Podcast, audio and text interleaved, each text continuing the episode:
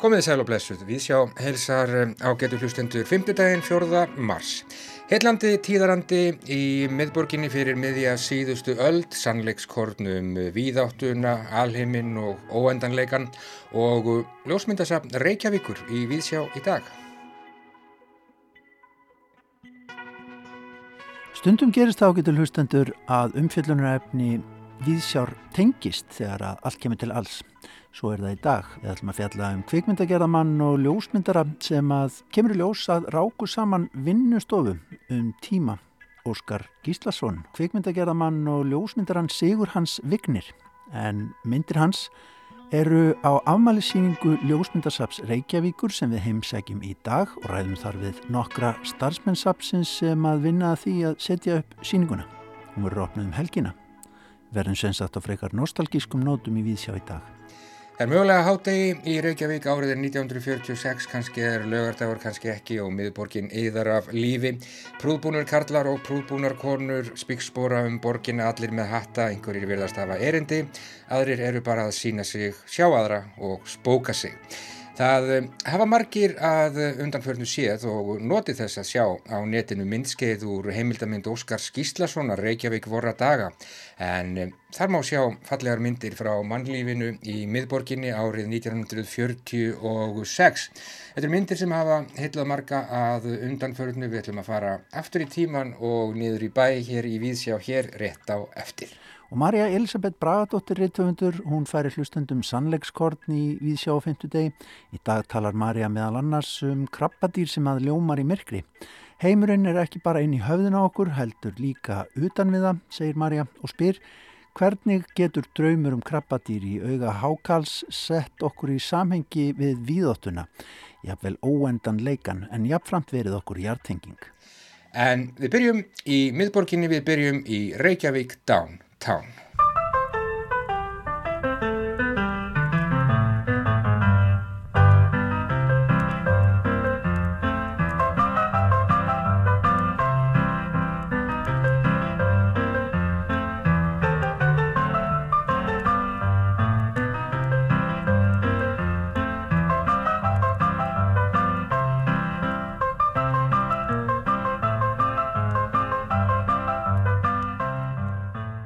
Það er eh, mögulega hátegi í Reykjavík árið 1946 á getur hlustendur. Kanski er eh, laugardagur, kannski ekki.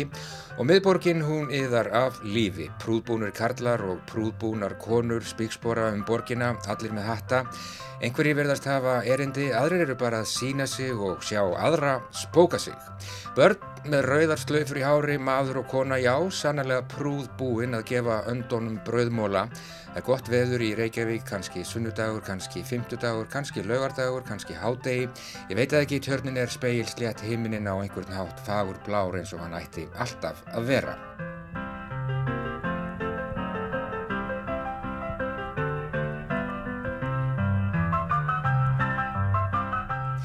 Það margir ágættur hlustendur séð á netinu síðustu daga myndbrot sem já, tekið var í miðborg Reykjavíkur árið 1946 og gengur undir heitinu Downtown Reykjavík 1946. Fólk hefur litt sér að hverfa aftur í tíman og já, dástað tíðarandanum sem varðveist hefur tignarlega á þessum myndum, tónlist Scotts Joplin skefur, síðan nostalgíunni byr undir alla vangi, The Entertainer, þetta er hugljúft og þetta er fallegt. Jafnvel bílarnir eru þokkafullir menn að sópa gutu, karlar sem munda skóblur, kannski hafnastræti, valdari á ferð í miðju bankastræti og hann gæti hafa verið búin til árið 1242 Og svo er líka uppskipun í höfninni, yðandi líf, það er allt að gerast en það er líka einhvern veginn ekkert að gerast. Þetta er bara góðviðri stagur í borg og borgin yðar einhvern veginn af fögru lífi, svona lífið og svona á að lifa því.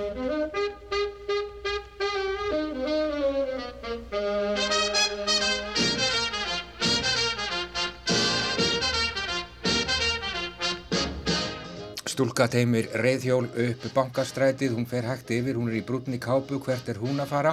Við horfum yfir speilslétta tjörnina, sjáum fallegu húsinn, speglast í þeirri sömu tjörn. Þannig er maður á mótorhjóli og þannig er lauruglumadur að stjórna umferðin í lækjargötu í múnderingu sem hefði getað sómt sér vel á miðju leiksviði, kannski í verki eftir Bertolt Brecht. Þetta mjög svo hillandi myndskeið sem margir hafa dástað á undanförnum dögum mun vera tekið úr heimildamind Óskar Skíslasonar Reykjavík vorra daga 1947 til 48. Og já, það hafa margir hillast og tjáð sig á samfélagsmiðlum leiðarstefið í þeim. Ummælum gæti verið spurningin Where have all the good times gone? Hvað varðum alla góðu tímana eins og Ray Davies spurði fórðum daga í læginu góða með bresku hljómsveitinni The Kings. Það er eins og fólk fyllist söknuði eftir glötuðum tíma, tíma sem það þekkti auðvitað ekki sjálft en um, það hafa ymsir gegnum tíðin að skrifa um það að borgarbræðurinn hafi verið á einhvern nátt þokka fyllir um miðbygg síðustu aldar en um, hann átti síðar eftir að verða. Það hafi verið einhvern veginn meiri borgarbræður þá þótt borgin hafi auðvitað verið mun minni og fámennari en hún er nú en einhvern veginn heilt ljóð eftir Tómas Guðmundsson í hverju augnabliki í þessu myndskeiði.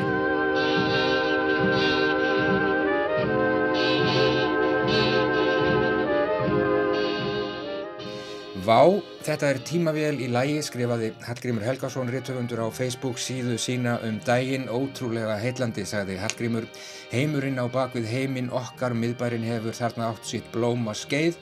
Þvílik fegurð, bílfegurð, kápufegurð, hattafegurð, stúknafegurð, atmosfér, skrifar Hallgrímur, takið eftir Bjarnar Ben sem gengur yfir lækjargötu á mínútu 0.15, ráðleggur Hallgrímur, hann verði strax orðin jafn gammal manninum sem var forsættisráðara 15 árum síðar. Rætt að horfa á þetta aftur og aftur, niðurstaða Hallgríms lífið er andartak hér í dag en farið á morgun, maður verður bara muna að njóta þess.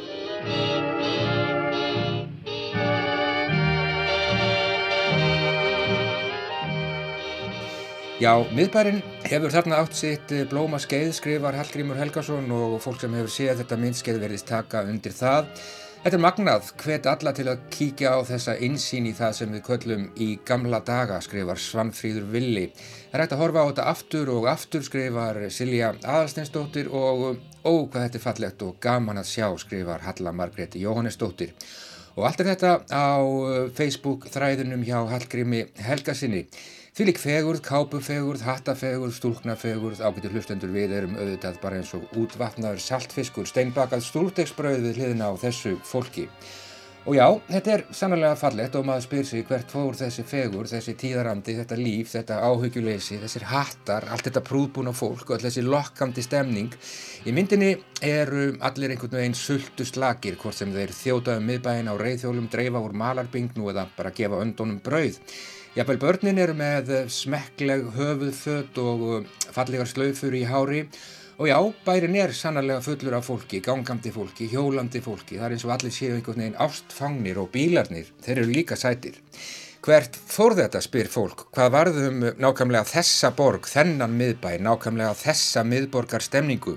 Ekki ætla ég ágetur hlustendur beinlínis að næra nostalgíu púkan Where have all the good times gone og svo framvegis og kannski er þetta bara Scott Joplin, the entertainer sem gerir gæfumunin hann uh, spillir að minnstakosti ekki fyrir en samt er eitthvað veikur fyrir þessu. Það eru auðvitað oft fínasta stemning í miðborg Reykjavíkur á góðveri stöðum á vorum tímum þótt hattarnir séu sannarlega færri og lífið allt einhvern veginn formlausara. Það er bara önnur stemning en svo sem sveif yfir vötnum og speilsléttir við tjörn Downtown Reykjavík árið 1946.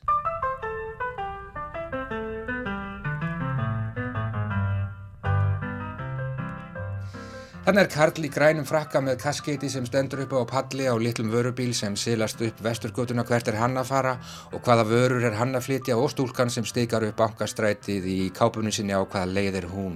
Og já, þarna eru maður og kona að gefa öndónum brauð við austur enda tjarnarinnar.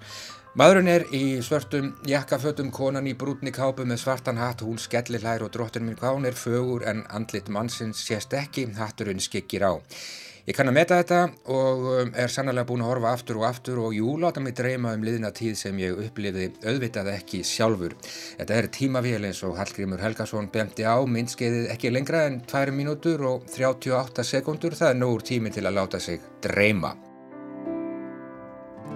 Reykjavík stúlkunnan og starra Stundar þrungi bíl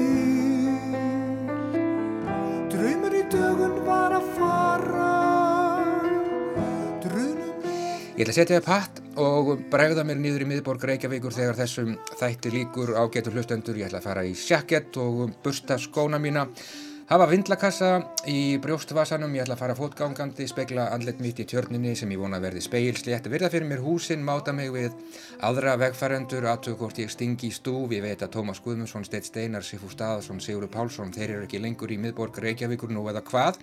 Kanski hitt ég einhvern, kannski engan, kannski stúlkuna í brúnu kápunni með svarta hattin sem hló svo fallega í blíðviðrinu við austurenda tjarnarinnar árið 1946, ég ætla að gefa henni vindil.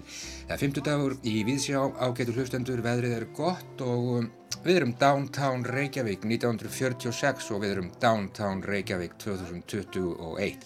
Niðurstaða Hallgríms Helgasonar, Háriett, lífið er andartak hér í dag en farið á morgun, þetta er fallegt.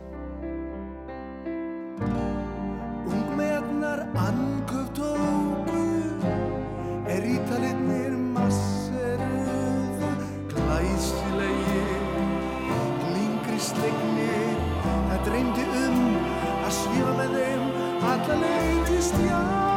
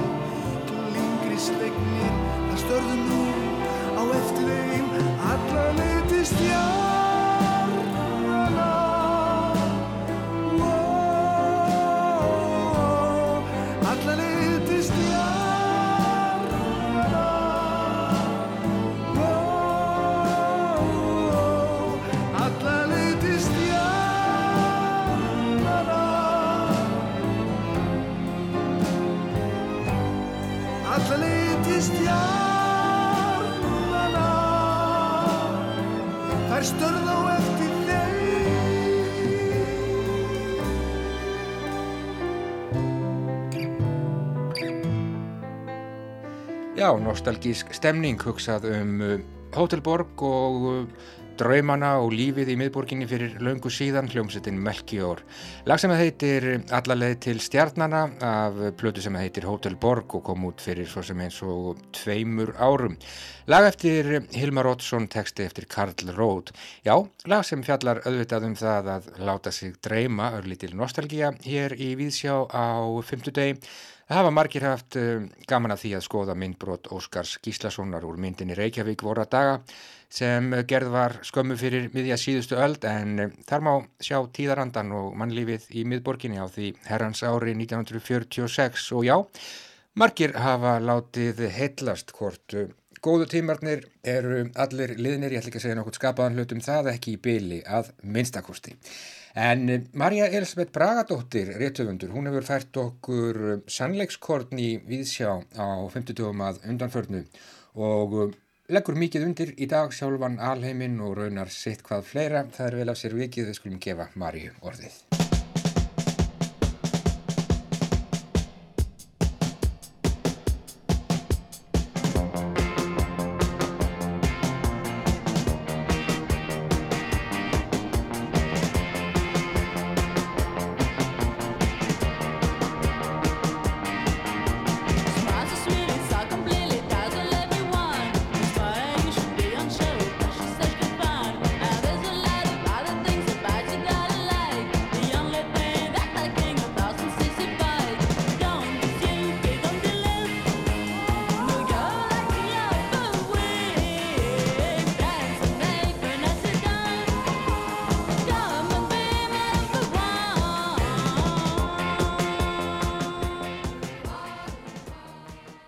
Ímislegt sem ég hreinlega óttast að líf mitt skorti.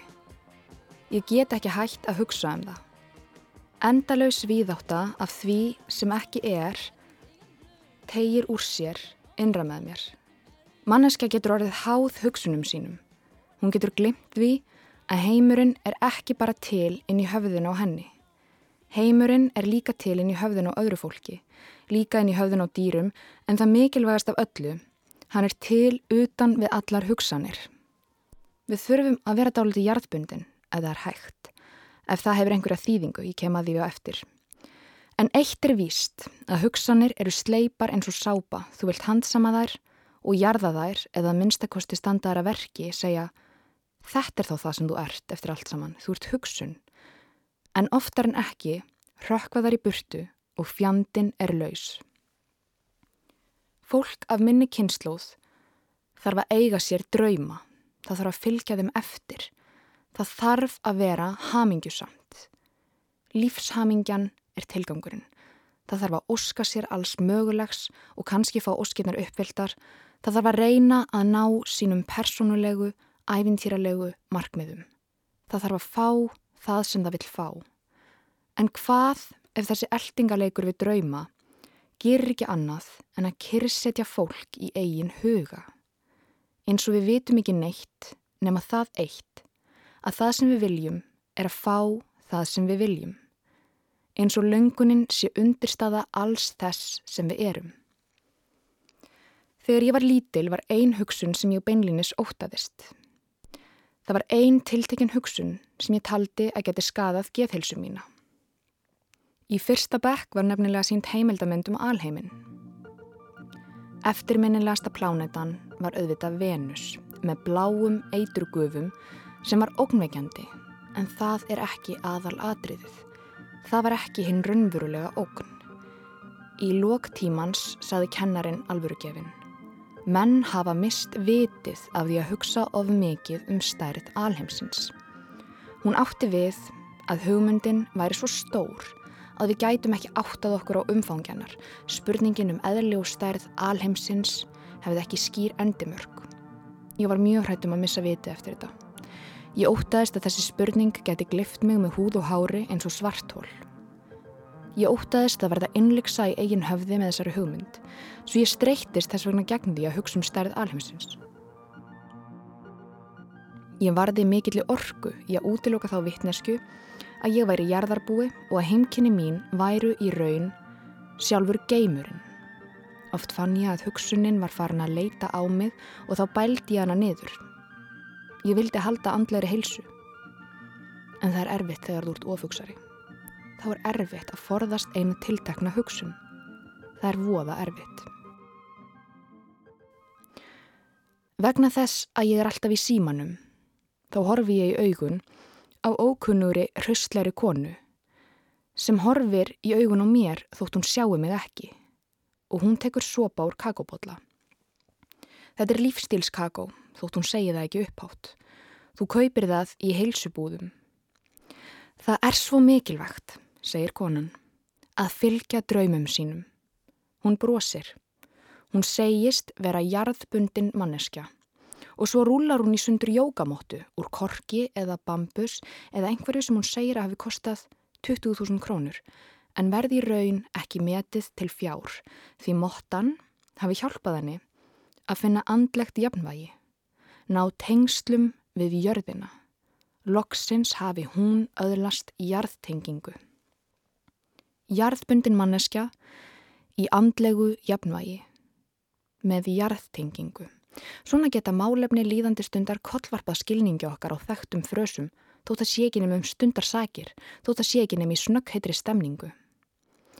Hvaða þýðingu hefur það að vera jarðmyndin manneskja í landi þar sem jörðin undir fótum okkar ólgar eins og vatn, liftist og nýgur eins og andadráttur kvíðasjúklings. Við liggjum á skjálfandi brjósti þessara risavöksnu óúdreiknanlegu lífveru. Er það ekki skrítin hugmynd? Aftur að konuna á jókamótunni. Hún segir að veraldlegur auður grafi undan runnvurulegri hamingu og því þurfum við að hætta að innrétta heimilu okkar og byrja að innrétta sálina. 20.000 krónur sem verða ekki metnar til fjár. Ég á við jókamóta sem verður ekki metin til fjár. Ég á við lífshamingja sem verður ekki... Býtu, það þarf sterka fætur til að tróða marfaðan í öllum þessum velistingum. Til þess að drukna ekki. Til þess að lokast ekki inni. Til þess að kapna ekki. Nú er hættið því að við fáum innulókunarkjönd. Þá er líklega tímabært að kynna aftur til leiks það sem ég hjælt að væri ógn við heilsu mína, hugmyndina um alheimin og vísbendinguna um tilvist hans, víðáttuna, sem er ekki innra með okkur, heldur utan við okkur. En fyrst, krabbadýrið. Í sjáaldri hákarls við Grænlandsstrendur er að finna ofur lítið krabbadýr. Það lætur lítið fyrir sér fara. Það æpir ekki á aðtegli. Það bara er í þessu auga, þessa risavaksna hákarls. Krabbadýrið, eins og aðrir íbúar hafsins, mögulegað höfrungum undanskildum, er ekki aðteglisjúkt. Fólk er enda ekki mikið að spjalla um tilvist þessa krabbadýrs eða stórmerkilegt aðsetur þess frá degi til dags. Fólk mætir ekki á kaffestofunum og segir Jæja, gerðu þið eitthvað næsum helgina og vissuði að það er til lítið krabbadýr. En þetta eru heldur ekki nýjar fréttir. Norskur sjávarlífræðingur rannsakaði þetta fyrir einhverjum áratugum síðan. Þetta eru gamlar fréttir. Mér skilst að vísindamenn hafi ekki verið á einu máli um hvort krabbadýrið væri sníkjudýr, hvort það gerði hákarlinum mikinn óleik og eigðilagði hornheimnu hans eða hvort það hjálpaði hákarlinum að veiða með því að ljóma í myrkri og laða að sér hraðsynda fiska. Sum djúpsjávardýr búa nefnilega yfir lífljómun. Lífljómun er hugtak sem lýsir eiginleika sumra dýra til að stafa frá sér náttúrulegu ljósi í neða myrkri. En hvað sem því líður? Þetta dularfulla krabbadýr er til og það á aðsetur í auga hákarls í norður Ísafsjó Hugsið ykkur að það sé einfallega til. Í hafinu. Sama hafi og umlikur eiguna sem við búum á. Það lokar okkur inni en það opnar líka fyrir allar gáttir. Yfir hafinu er heiminin. Hann er víðáttan í allri sinni ógnvænlegu dýrið. Í víðáttunni ringsóla plánitur. Á þeim búa krabbadýr í augum annara dýra. Þótt ég hafi forðast þessa tilugsun sem barn þá finnst mér hún ekki lengur ógnveikjandi. Við búum í heimi þar sem hlutir út í búð eru dullbúnir sem andleg verðmæti. Að fylgja eftir draumum sínum verður að fyrðulegu verkefni. Við þurfum að vera hamingjusum. Verðum við hamingjusum af því að láta sífælt stjórnast af lungunum okkar? Fólk getur orðið háð hugsunum sínum.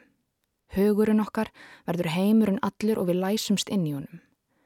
En heimurinn er ekki bara í höfðina okkur. Hann stendur líka utan við okkur sjálf. Heimurinn í allri sinni víðóttu hefur ímislegt að geima sem við kvorki viðurkennum nýjatökum eftir, öðruvísi en að stíga út úr okkur sjálfum. Við getum látað okkur dreyma um krabbadýrið. Ég held að krabbadýrið sé draumur sem við getum eld. Við verðum að gera það. Hugsið ykkur að vera krabbadýr. Hugsið ykkur að geistla í myrkri. Hugsið ykkur að eiga aðsetur í auga annarar veru sem er 500 ára gamalt rándýr. Það er endar alls ekki svo fjärstaðu kjent hugmyndir þann okkur.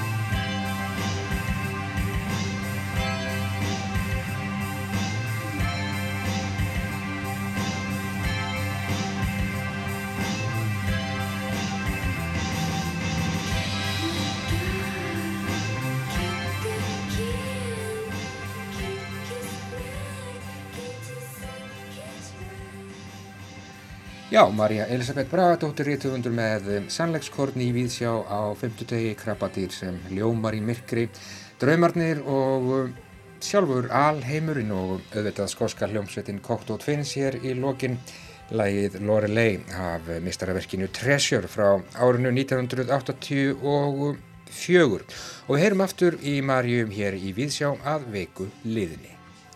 En Vikingur Heiðar Ólarsson píjónleikari, hann er að fara af stað með tónleikahald sem að beðið hefur eftir og búið er að fresta, já líklega þrísva sinnum, fara að leika upptökur sem að koma út á blöðunni hans frá í fyrra með verkum eftir Debussy og Rameau.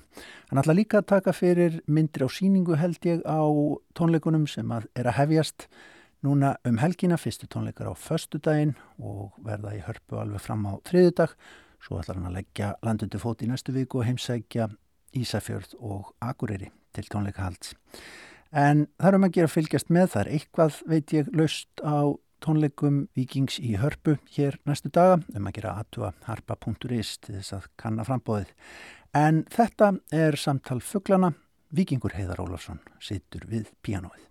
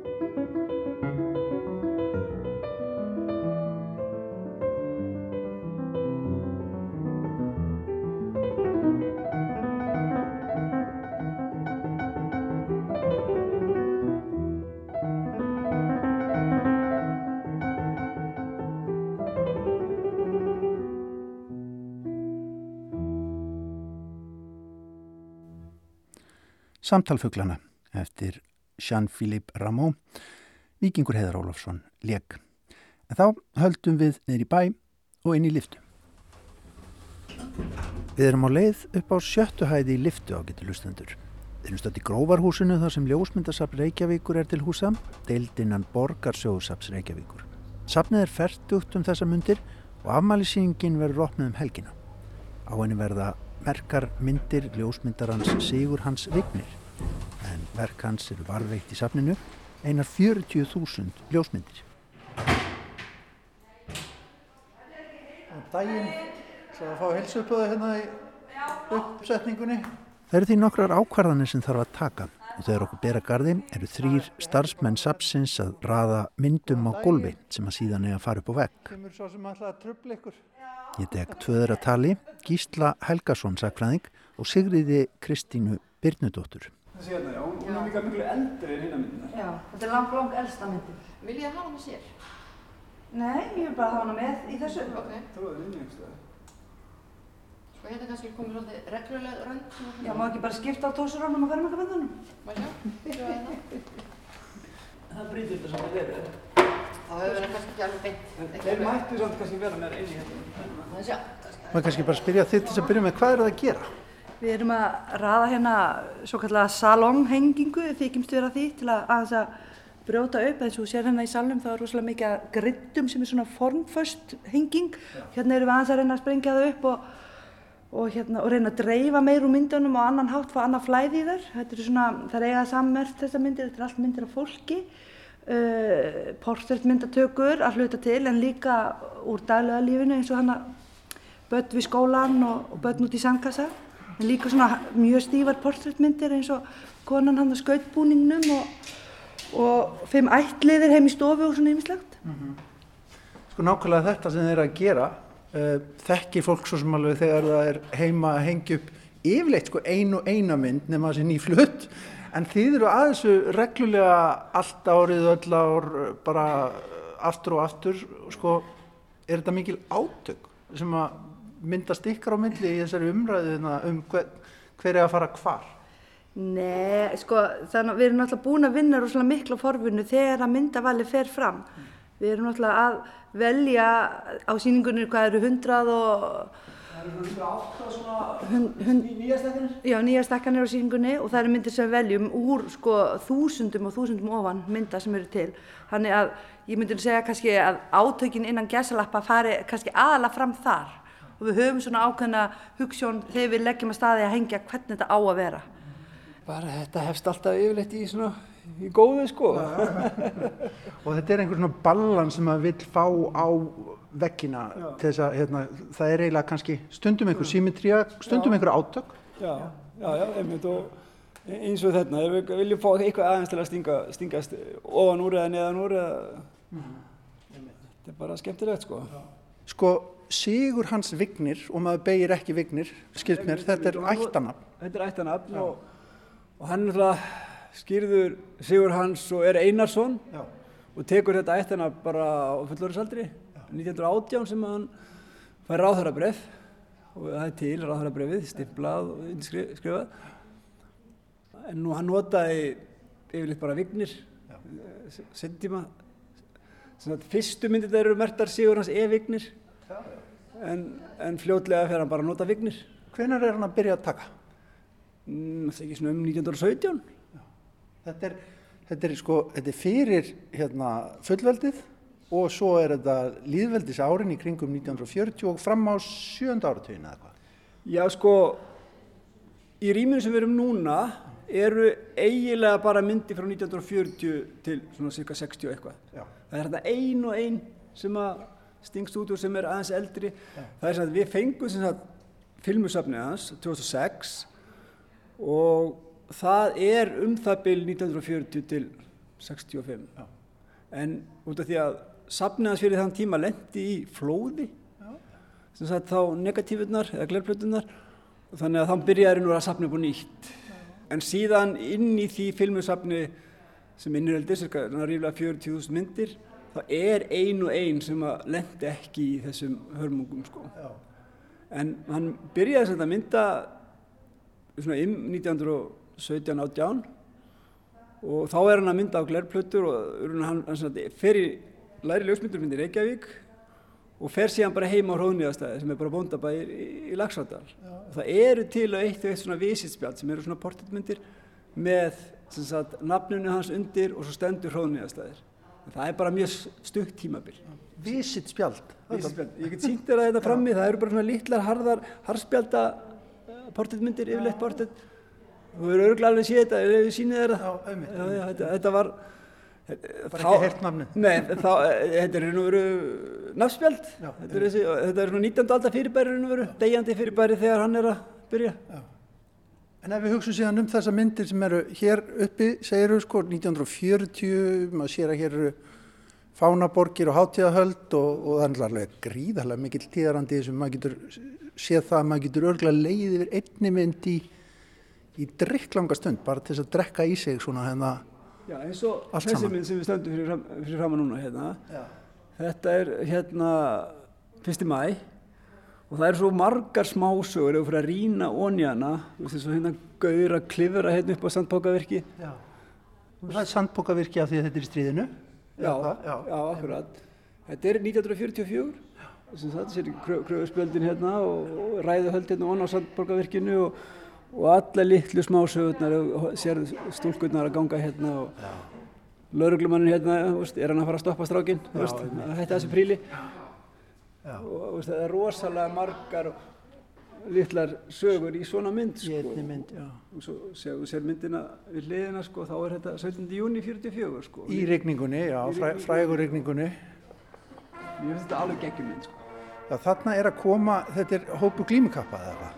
Þetta eru svona fánaberarnir. Ja, það Fánaberar, er að já. koma hérna upp einhvern veginn upp úr suldinni og fólkið horfir hérna þetta mér finnst þetta alveg Hortið við vellina, maður sér sko tjaldborgirnar á bakvið og svo þessar regnblötu frakka og konurnar og stelpunar með skuplur. já já, þú sér hérna fortíðin og framtíðin Já. og nútíðin ganga upp hérna með, með fánana og svo verður gaman að vita hvert þetta sé hvítbláin sem þeir haldi hérna með sér, ég veit ekki alveg hvað fánan þetta er. Það ekki alveg söguna þar sko, en það er örgulega til eitthvað stöðar. En sko, er, hann er líka að taka svona daglegt, hann er að taka atvinnulíf, eh, daglegt líf, hann er að taka portrétt af listamönnum og sér maður, þannig Kjaraval, er það ekki, er ekki Kjaraval með hattinn hann? Jú. Og, og hérna, og lífið á höfninni og þar fram til göttunum, sko, var það eitthvað sem hann leti í friði? Nei, ég held að það hef ekki verið mikil sérhæfing og svo eru sko bíóauðlýsingar og eftirtökur og það er eins og ég segi í bæklingnum sko að þá bara var hann að taka portrétt og fermingamynd og svo stóruð atbyrði eins og lífildistofnun eða jafnvel hernámið. Svona stillið þessu upp einhvern veginn hvað þetta eru miklar anstæður í raun og veru. Og náttúrulega mest eru við með þá myndir sem hafa svona aðeins ríkari skýrskotun í samfélagi heldur en við erum ekki með mikið, eða, við erum ekki með brúkóðsmyndir eða fermingamyndir af einstaklingum. Veist, það er kannski svona meiri svona prívat tökur en við erum samt með fáinn dæmi af svona fjölskyldumyndum bara til að sína að hann var líka að gera þetta.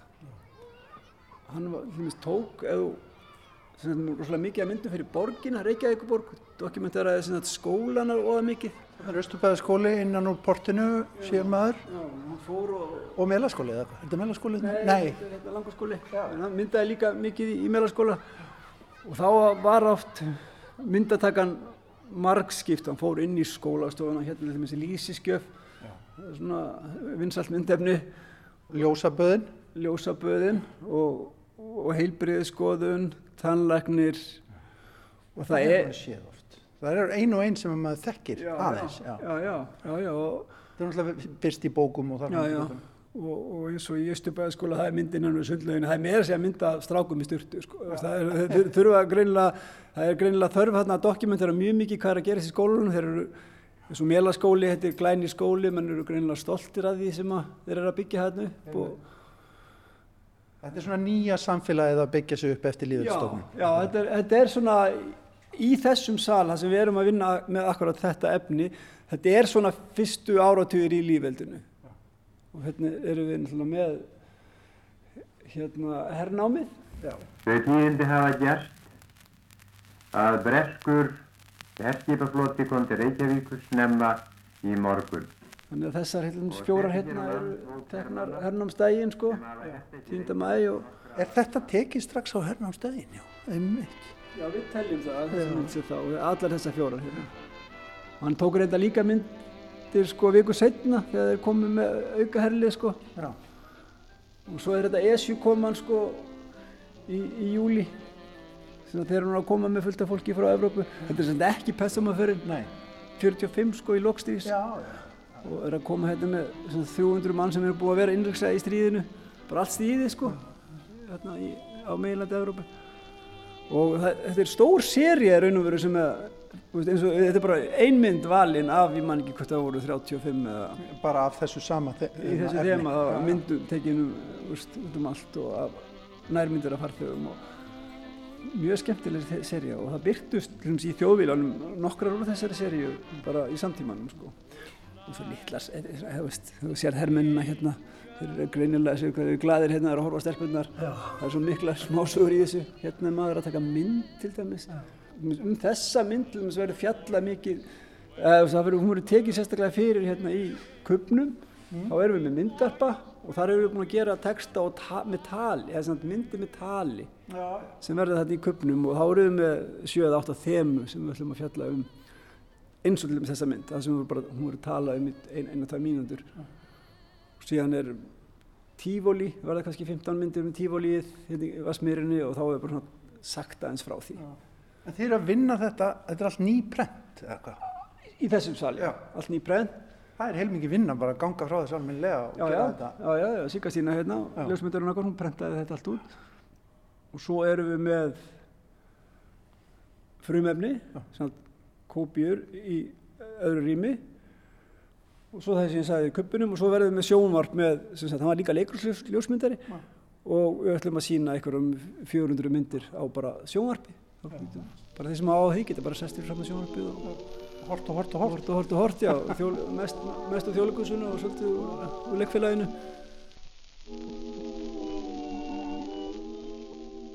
Svo í frístundu var hann að mála myndir bara sjálfur. Svo hann það var mjög mikið að handmála ljósmyndir. Já. En sagt, hann byrjaði, hann, í byrjum félagsinn þá hafði hann alveg hugmyndir um að verða sko listmálari en, en þetta verður einhvern veginn ofan á sko og þetta er í raun og veru eigilega allt bara svona keiftar tökur þannig, veist, þetta er bara hans atvinna og Þetta er ákveðin verkefni sem maður fær til þess að fara út og, og, og skrásita fyrir yfir einhverja aðla. Langmest, já. Og oft verkefnin eins og allar atvinnlýsmyndina sem eru hérna mm að þetta eru oft bara veist, ammali fyrirtækisins eða jafnvel einhvers yðinsýning sem er að fara á stað og þá kannski kallaði til ljósmyndar og hann dokumentera starfseminna þetta er oft og myndirna sem eru á vegnum er alltaf kannski ein mynd úr serju sem eru kannski 15-20 myndir sem hann tók sko. þetta er bara höfverkur síningastjóran að velja úr 40.000 myndum sko. Já, úr 40.000 myndum Já. þá náttúrulega liggur alveg ljóst fyrir að það er eitthvað sem bara öskrar á okkur en það er annað sem það þarf aðeins að ræða, eða ekki?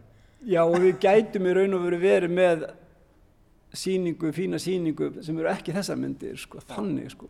En, en hvað mann að segja, þetta er, við vorum, við tókum, það var svona áttak, skönnun áttak og sem við skönnuðum uppið, hvað, fjögurst myndir, sem við, Svona, þar fer fyrsta valið fram við förum í gegnum allt safnið mm. og skönnum og skönnum og skönnum. Já, um það byrjum fjögust myndir og síðan fer valið þá fram úr þeim fjögust myndum sko.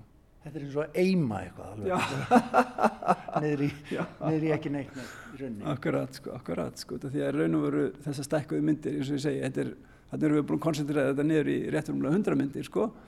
En bætum það síðan upp með skjánum það sem eru 400 myndir og svo hérna í köpnum sem verða kannski 40 myndir og og svo þarna í rýmunu sem eru orginalmyndir sem hann gerði sjálfur. Það var alltaf þangað? Já, nákvæmlega.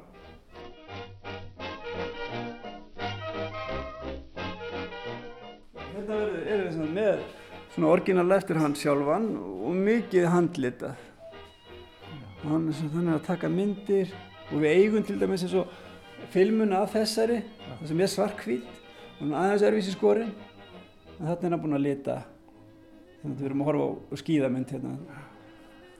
Hérna Fossinn og Jökullinn Ásbyrgi og svo er hérna Mossadalur.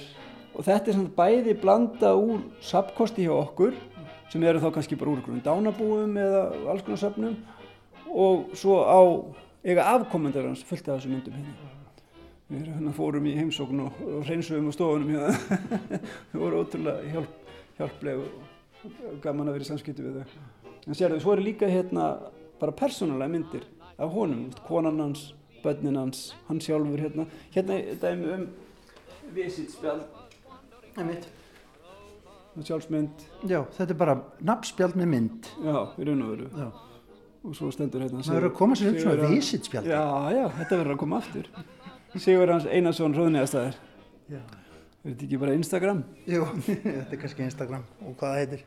Hann hefur náðu að, að hafa, þetta hefur verið hans aðal atvinna alla tíð, eða hvað, svona bara og, og Já. og hann er náð því. Já, já, hann lendir náttúrulega í smá vandræðum í kreppunni. Þegar kreppan skellir á þetta 1930 þá var hann nýbúin að opna nýja stofu. Og það var, fyrir þann tíma var hann, þegar hann flyttið til Reykjavík og þá var hann í, svona, gekk hann í samstarfi við Óskar Gíslason ljósmyndara, sem fræður kvikindlegjármaður, setna. Og, og þeir reyka saman stofu í nokkur ár, 29 þá splitta þeir og hann stopnar stofu og bara í sama mánuði eiginlega er sem sagt kreppan að bresta á í, kaupöllinu í New York sem kemur síðan aðeins setna til Íslands. Og þá ve, sýnist mér að þau hafi átt svolítið erfitt og, og þau fara allir með svo síld. Hann og konun hans, hún, konun hans, hún Anna Elisabeth fer að vinna í síld en hann opnar svona litlu ljósmyndastofa á Siglufjörði og þau gera þetta nokkur sumur. 2, 3, 4 sumur sem þau fara á Siglufjörð. Og það, og það segir manni einhvern veginn að það lítur að hafa kreft svolítið að sko. Og það er kannski stuðið líka. Jú, jú, jú, jú, örgulega verið gaman, vonandi, þegar sildin gefur, sérstaklega. Eins og áður saði er ljósmyndasafn Reykjavíkur færtugt um þessar myndir og síningin á myndum Sigur Hans Vignir, eða Vignir eins og hann er oft kallaður, er afmælisíning. Ég spyr annan starfsmann safsins, Kristínu Haugstóttur, aðeins út í daglega starfsemi þess.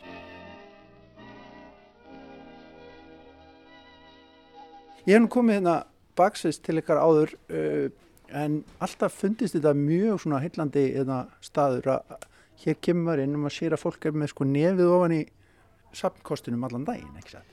Jú, þarna, við erum með mikið magnmynda, yfir 6 miljónum mynda á sapninu. 6 miljónum? Já, og þarna, þegar sapn koma inn þá þurfum við að fara í gegnum þau skipilegja og, og svo er líka stórpartur af starfuna umpakkaði söfnanum í síri fríar umbúðir og þarna, þannig að við getum varveitt þau einslengi eins og hægt er. Sko hversu, hvernig er bara tíðnin á þessu eða sérst, gerist þetta oft að er verið að ringja hérna bara oft í viku og spyrja hvort þau viljið taka við einhverju?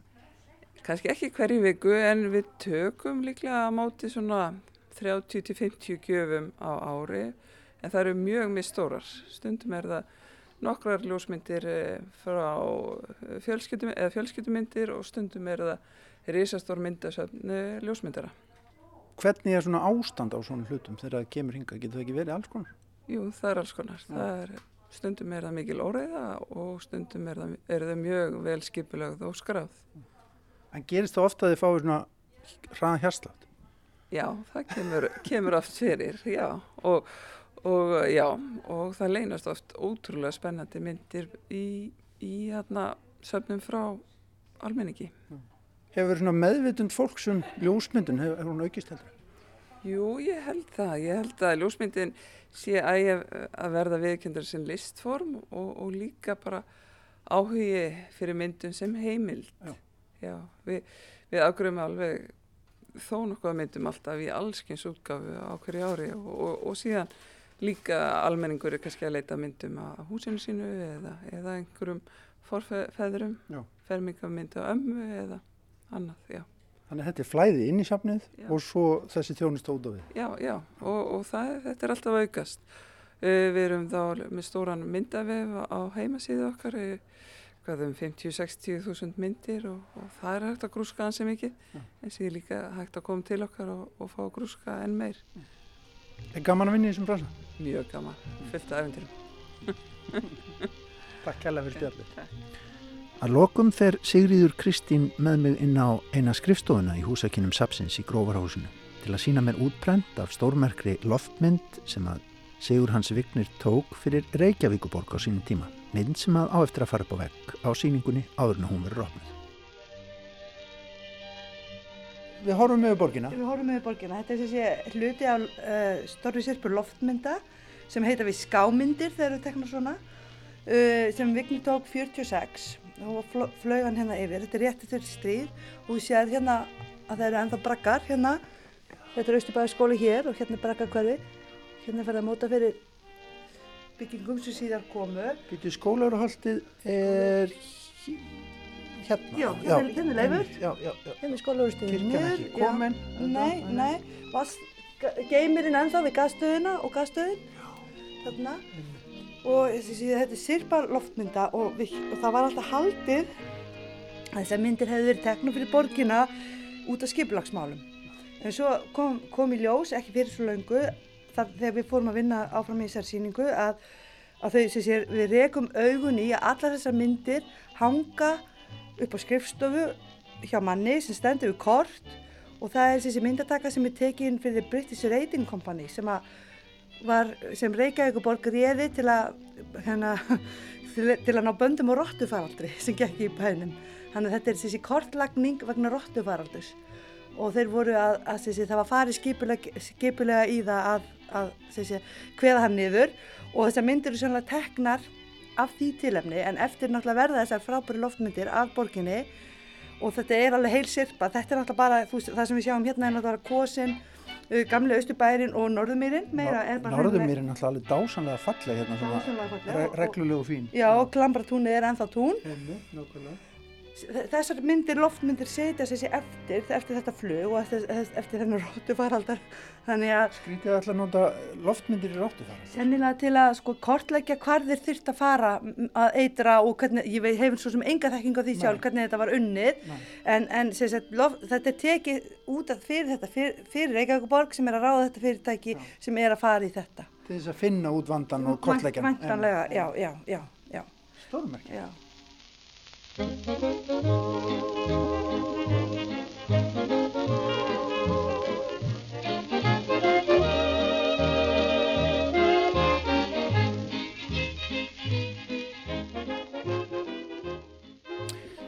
stríðsára tónar hér á eftir heimsókn okkar í ljósmyndasafn Reykjavíkur. Það ágæta ferdu að sapn við rættum hana við nokkra starfsmenn sapsins sem er að setja upp síningu á ljósmyndum eftir Sigur Hans Vignir. Og svona ætlum við að ljúka viðsjá í dag og þessa vikuna. Viðsjá hér aftur á sínum stað á sínum tíma löst eftir klukkan fjögur á mánudag. Við minnum á úrval úr viðsjárþáttum þessarar viku á dagskrá hér á rás 1 á sunnudag klukkan 14 klukkan 2. En við segjum þetta gott í dag. Takk fyrir samfélgina kærlega. Verið sæl.